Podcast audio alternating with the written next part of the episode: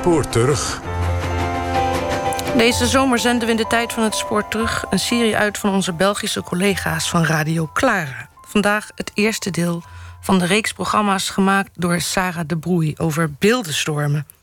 In de zomer van 1566, nu ruim 450 jaar geleden, brak de beeldenstorm uit in de Nederlanden. Waar en waarom deze beeldenstorm begon, is het onderwerp van deze eerste aflevering.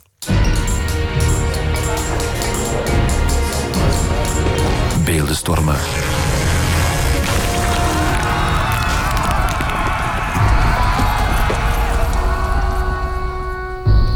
Welkom.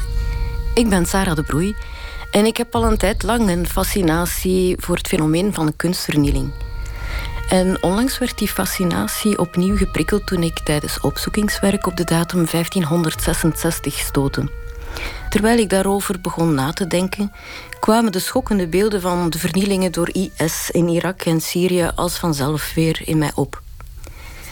Vernieling van kunst blijkt van alle tijden te zijn. Of je het nu beeldenstorm, iconoclasme of in sommige gevallen eerder vandalisme zou noemen. Ik ben daarom op zoek gegaan naar momenten in de geschiedenis waarop groepen van mensen of soms ook gewoon individuen zich met geweld tegen beelden hebben gekeerd. In deze eerste aflevering wil ik nagaan waar en waarom die beeldenstorm van 1566 uitbrak. Historica Anne-Laure van Bruane doet onderzoek naar deze periode en vertelde me hoe de protestanten in 1566 voor het eerst echt naar buiten durfden te komen en de kerken ook letterlijk gingen aanvallen. 1566 kennen wij nu vaak als het wonderjaar. En dat klinkt allemaal heel spannend, maar in, in die periode had dat eigenlijk vooral een negatieve connotatie. Want wonder, dat was alles dat ja, een beetje vreemd was, de wereld die, die op zijn kop stond. Um, en dus dat waren een aantal vreemde gebeurtenissen in de tijdspannen van één jaar. Dus het begint eigenlijk met uh, het Eedverbond der Edelen, hè, die hun smeekschrift gaan aanbieden aan Margaretha van Parma. De edelen hè, die, die politiek verzet gaan plegen. En dan, dan krijg je de beeldenstorm in, in, de zomer van 1566. En dan loopt dat verder. Hè. Dus dan voor een stuk gaan Calvinisten dan de macht grijpen in een aantal steden. En uiteindelijk eindigt het met de komst van Alva. uh, en, en, eindigt het dus ja, slecht. Maar dat kon Sebastian Matte nog niet bevroeden toen hij op 10 augustus een hagepreek hield buiten de stadsmuren van Steenvoorde. Aan het eind van zijn preek riep hij toen zijn toehoorders op om het Sint-Laurijnsklooster te bestormen en er vernielingen aan te richten. Dat was het startschot van de beeldenstorm. Maar waarom begon het allemaal in Steenvoorde? En wie was die Sebastian Matte die de lont aan het kruidvat stak op die bewuste Augustusdag van 1566. Uh, Steenvoorde ligt vandaag net uh, over de grens in Frankrijk. is een heel, heel klein plaatsje waar vooral aan textielnijverheid werd gedaan.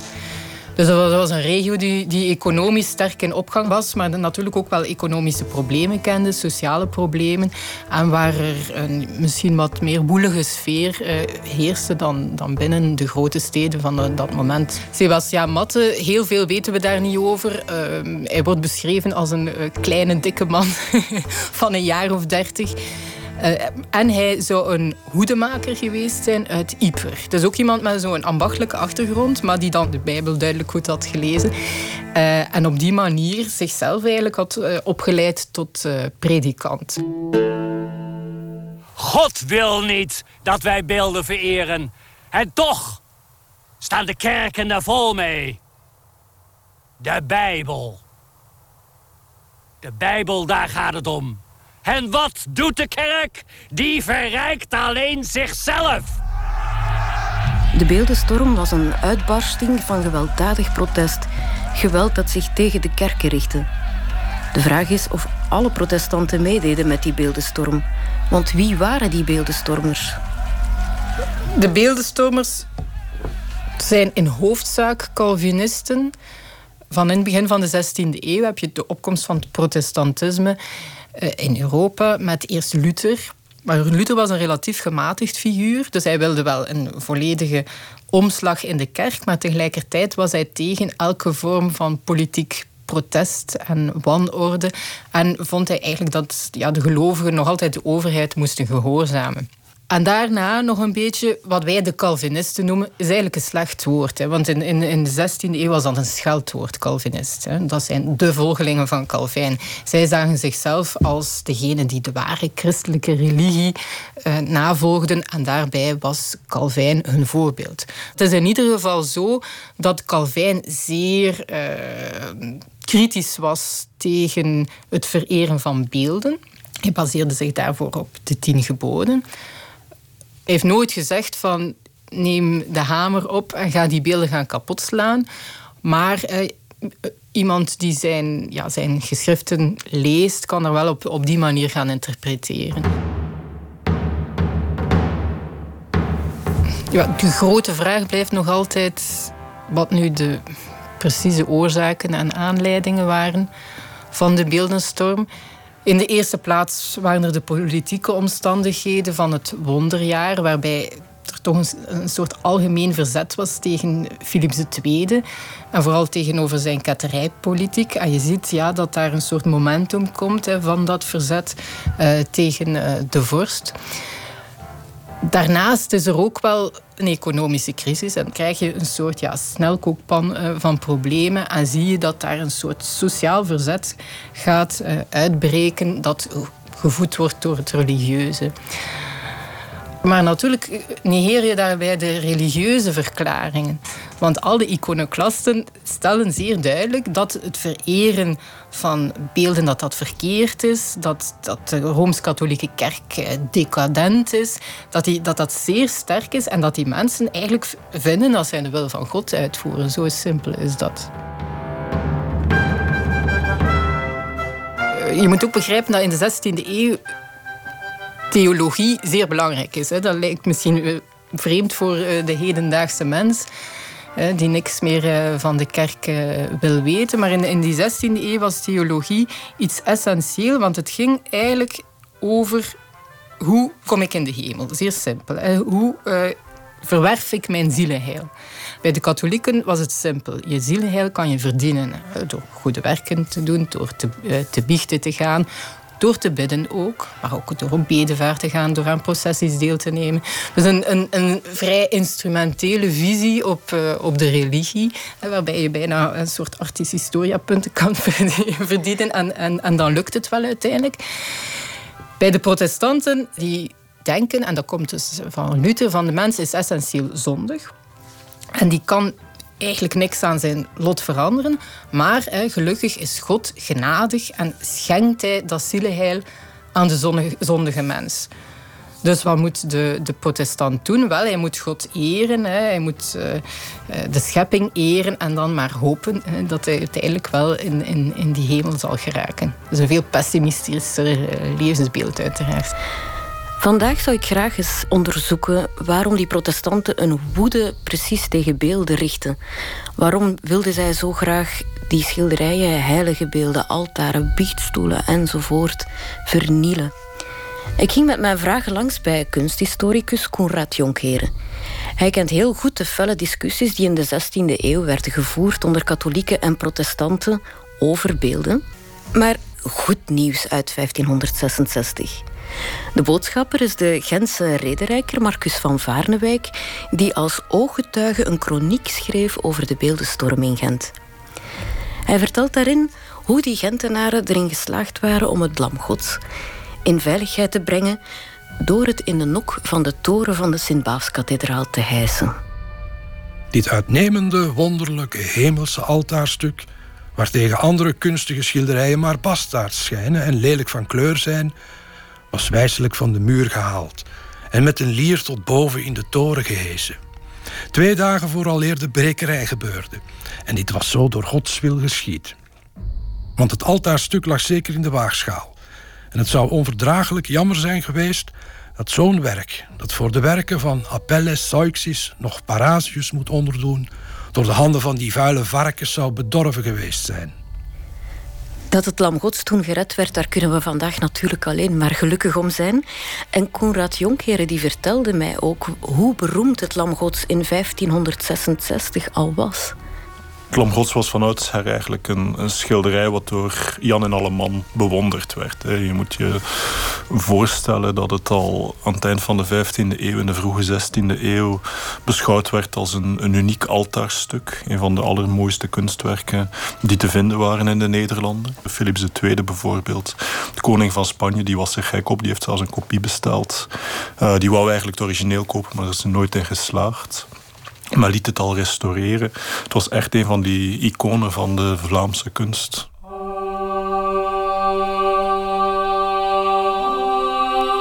Natuurlijk was het Lam Gods niet het enige kunstwerk dat in de Sint-Baafskathedraal te zien was.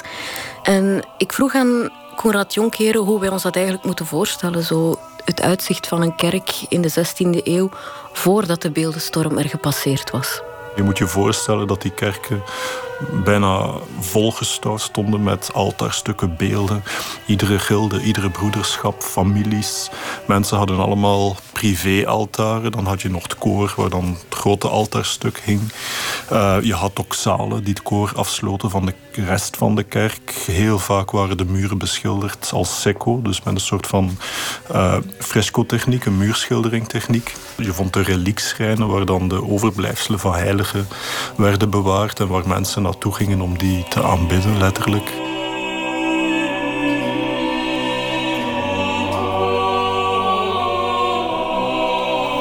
Ik zie dit zo voor me. Overal mensen die geknield zitten in aanbidding voor de vele beelden in de kerk. Maar waarom waren die beelden toch zo'n doorn in het oog van de protestanten? In, in vroege christendom, dus dan spreek je over de eerste eeuwen na Christus, krijg je twee dingen die met elkaar moeten versmelten. Aan de ene kant een, een, Joodse cultuur waarin in het Oude Testament staat dat je geen beelden mag vereren. De tien geboden, een van de eerste geboden. Het eerste gebod is, gij zult geen beelden maken. En aan de andere kant heb je de Grieks-Romeinse cultuur, die heel erg beeldend is, waar beelden een fundamentele rol spelen, beelden die ook letterlijk fysiek aanbeden worden. En dat leidt eerst tot discussies in de 8e, 9e eeuw na Christus in Byzantium over wat beelden zijn. En een van de oplossingen die dan naar voren geschoven worden, is van kijk, beelden zijn er om mensen die niet kunnen lezen en schrijven te onderrichten in het geloven. Heel educatieve waarde. Maar aan de andere kant zie je, en dat is wat er in de 15e, 16e eeuw begint op te spelen, is dat mensen die beelden heel fysiek gaan behandelen. Dat ze ook beginnen te geloven dat die beelden wonderdoeners zijn, die veel meer zijn dan een gewoon stuk hout of steen of, of een beetje verf op paneel.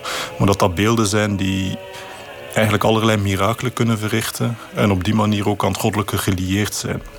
En het is daartegen dat de protestanten gaan negeren en zeggen van ja, maar ja, als wij de Bijbel lezen, dan zien wij dat God daar een rol in speelt. Dat zijn zoon Christus daar een rol in speelt. Al die heiligen en al die beelden, daar, daar lezen wij niets over. En als we er iets over lezen, dan is het over dat die vernield moeten worden. Dat God die beelden niet wil. En, en dan ontstaat die discussie over wat die beelden in die kerken moeten gaan doen.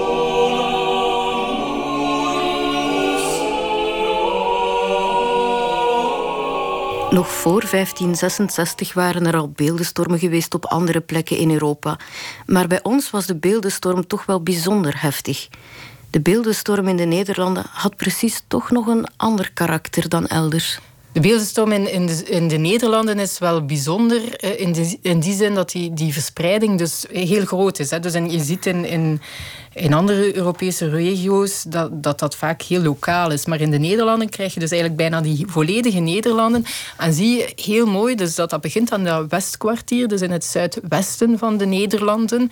En dan ja, eigenlijk in noordoostelijke richting gaat. Uh, en dat duurt twee maanden. Hè, dus uh, over twee maanden tijd zie je dat, dat ja, die, die hele regio wordt getroffen door iconoclasme. Dus dat eindigt uiteindelijk met een veel gematigde beeldenstorm in, in Friesland. Maar dat betekent zeker niet het einde van het uh, iconoclasme in, in de Nederlanden. Wat we zien we een aantal decennia later, of maar tien jaar later eigenlijk, eh, als de Nederlandse opstand echt is uitgebroken, zie je dat in bepaalde steden Calvinistische regimes worden ingesteld. In de zuidelijke Nederlanden, bijvoorbeeld in Gent, zeer belangrijk, in, in Brussel en ook in Antwerpen. En dat die Calvinistische regimes eigenlijk een nieuw iconoclasme gaan organiseren. Soms is dat een gewelddadig iconoclasme dat zij min of meer tolereren. Soms is dat ook veel meer gestructureerd. Dat zij de kerken gaan leeghalen, alles verkopen, eh, de, de muren wit schilderen en eigenlijk gaan inrichten voor de Calvinistische eredienst. Heiligschennis! Heiligschennis!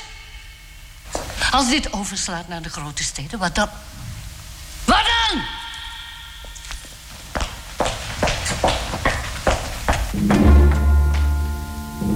Tweede beeldenstorm van de jaren ja, rond 1577, 78 tot 80 is minder bekend, maar is eigenlijk in zekere zin ingrijpender, omdat natuurlijk dan het uh, hele katholieke patrimonium eigenlijk wordt uitgevlakt. En in de noordelijke Nederlanden worden die kerken dan eh, ingericht als gereformeerde kerken, dus is sowieso bijna alles weg. In de zuidelijke Nederlanden zou je denken, ja, daar komt dan een herstel, maar dat herstel gaat samen met de barok. En in die, en in die barok moest men niets meer weten van die laat-middeleeuwse devotionele beeldtaal. En, en gaat men echt hele nieuwe interieuren gaan installeren in kerken waarvan sommige nog te zien zijn. Ik denk aan de Sint-Jacobskerk in Antwerpen bijvoorbeeld. Heel vaak als men gaat kijken naar die beeldenstorm en de discussies daar rond in de 16e eeuw, dan zegt men je hebt aan de ene kant de katholieken en aan de andere kant heb je de gereformeerden, in het bijzonder de Calvinisten. En die Calvinisten zijn tegen beeld en de, de katholieken die zijn voor het beeld. Maar de discussies zijn zeker niet zo eng te interpreteren. Erasmus is zijn hele leven katholiek gebleven en had toch een groot probleem met de manier waarop die beelden functioneerden in de kerk. Terwijl Calvijn zegt, oké, die beelden in kerken, dat kunnen we absoluut niet toestaan, want dat lijkt heel of veel te veel op afgoderij. Maar dat betekent niet dat beelden geen nut kunnen hebben. Eh, Calvijn is daar eigenlijk vrij mild in, zijn oordeel, zolang dat die beelden eigenlijk niet als afgoden gaan fungeren of dat ze niet aanbeden worden. En datzelfde zie je natuurlijk in de samenleving. Mensen die in contact komen met die hele discussies, zeker na de beeldenstorm, wanneer iedereen met die beelddiscussie geconfronteerd wordt, dan zie je dat ook daar heel veel mensen een vrij genuanceerde mening erop nahouden, terwijl dat er anderen zijn die heel extremistisch zijn. In die zin is er in de samenleving niet zo heel erg veel veranderd. De benaming van de beeldenstorm is misschien wat misleidend. Hè? Men denkt dan van ja, het waren de beelden, de heilige beelden die zij kapot sloegen. Maar dat is niet enkel het geval. Hè. Dus de beeldenstorm gaat veel verder dan dat. Hè. Dus alles in die kerken, de glasramen, de altaren, de altaartafels. Alles wat maar aan het devotionele kon worden gekoppeld, werd, was een doelwit. De ordels enzovoort. De hostie was in die periode zeer omstreden omdat de katholieken nog steeds, tot op de dag van vandaag, denken: de hostie is het lichaam van Christus. En daar gingen die Calvinisten heel streng tegen in. Dit is bijvoorbeeld één voorbeeld van een uh, tapijtwever, een heel eenvoudige tapijtwever, Hans Tuskaans, uh, uit Oudenaarde, die eigenlijk ja, het recht in eigen handen neemt en tijdens de mis in Pamelen, dus aan de andere kant van de Schelde, de kerk binnenloopt de hostie uit de handen grijpt van de pastoor en mijn stukken uh, breekt en op de grond uh, gooit. Je zou kunnen denken dat is een soort vorm van vandalisme, maar dat is veel dieper. Het is echt een theologisch statement van een gewone tapijtwever. Er zijn heel mooie stukken in uh, de Raad van Beroerte bewaard gebleven van het uh, proces van Hans Tuskaans, waarbij ja, ook eigenlijk zijn woorden aan bod komen, hè, hoe hij dat ziet. En in één fragmentje zegt hij dus dat hij het zuvelken, zoals hij dat noemt, hè, dus de hostie uit de handen van, van de priester geslagen heeft. Maar hij zegt er ook bij waarom dat hij dat doet. Hans Tuskaans zegt dat hij gearresteerd werd omdat hij het suvelkin uit de priester zijn handen had genomen toen hij het opstak en consacreerde.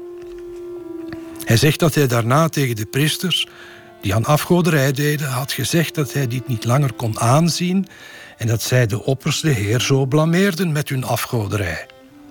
En omdat zij de hostie eten op hun altaar, zoals zij het zeggen. Maar de gevangene zegt dat Christus niet woont in tempels die door mensenhanden zijn gemaakt, maar in de hemel, waar hij aan de rechterhand van zijn vader zit.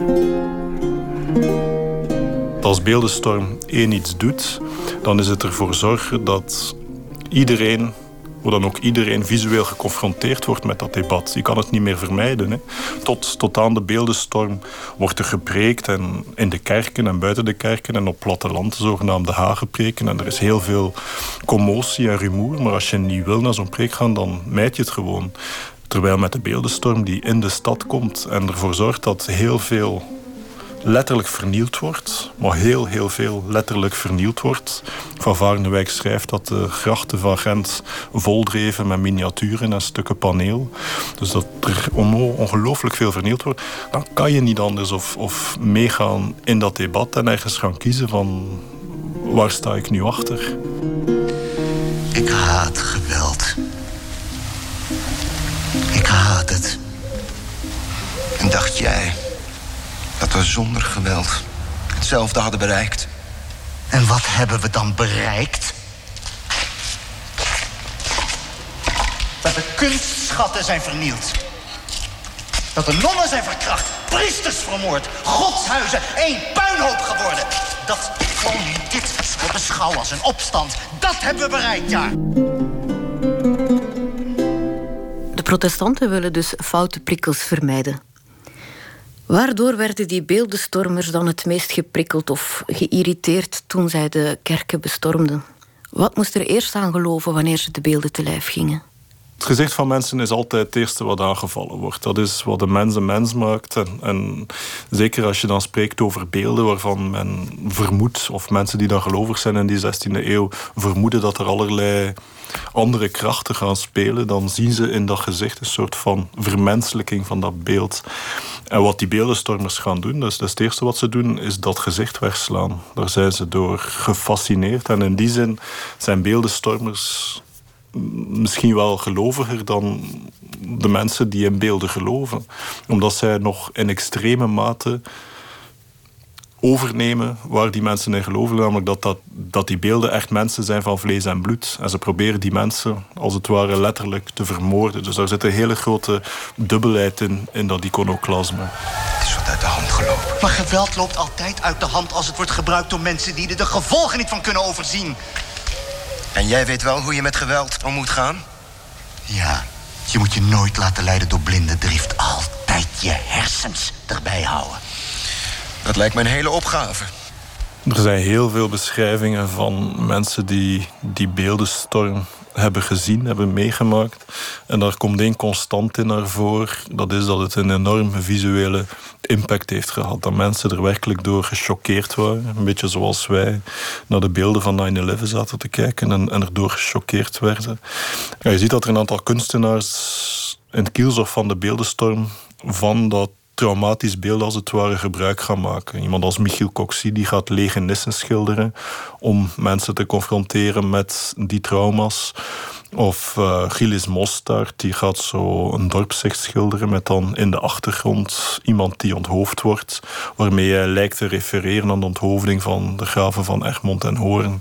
En op die manier probeert hij betekenis te geven aan zijn schilderij maar vooral op een emotionele manier. Hij probeert die mensen emotioneel te raken door dat soort traumatische herinneringen weer, weer te gaan oproepen.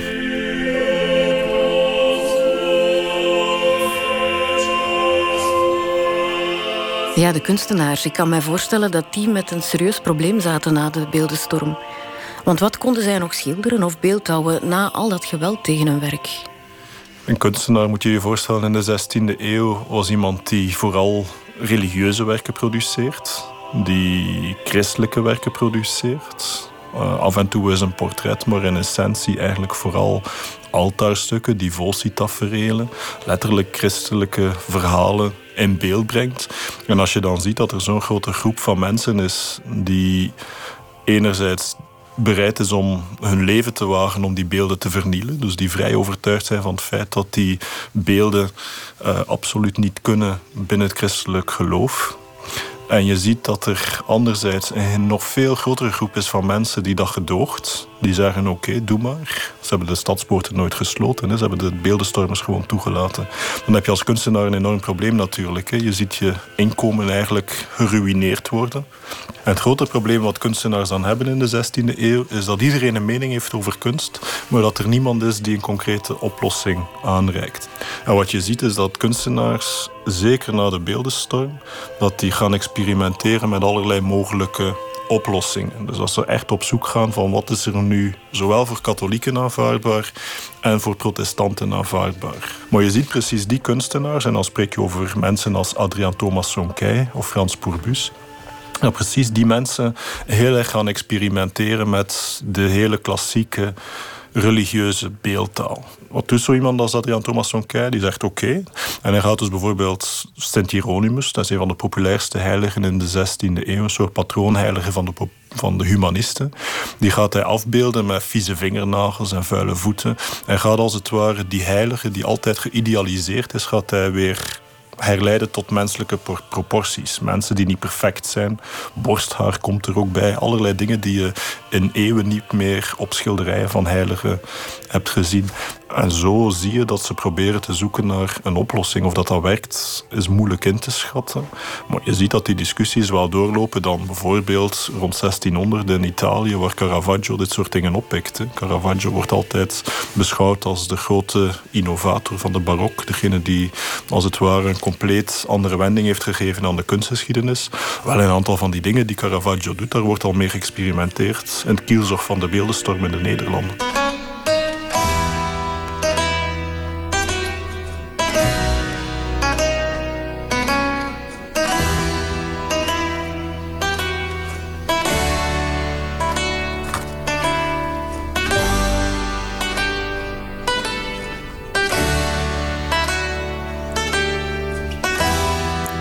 U hoorde het eerste deel van de serie Beeldenstormen... die we deze zomer uitzenden. Die vorig jaar gemaakt is door onze collega's van Radio Clara.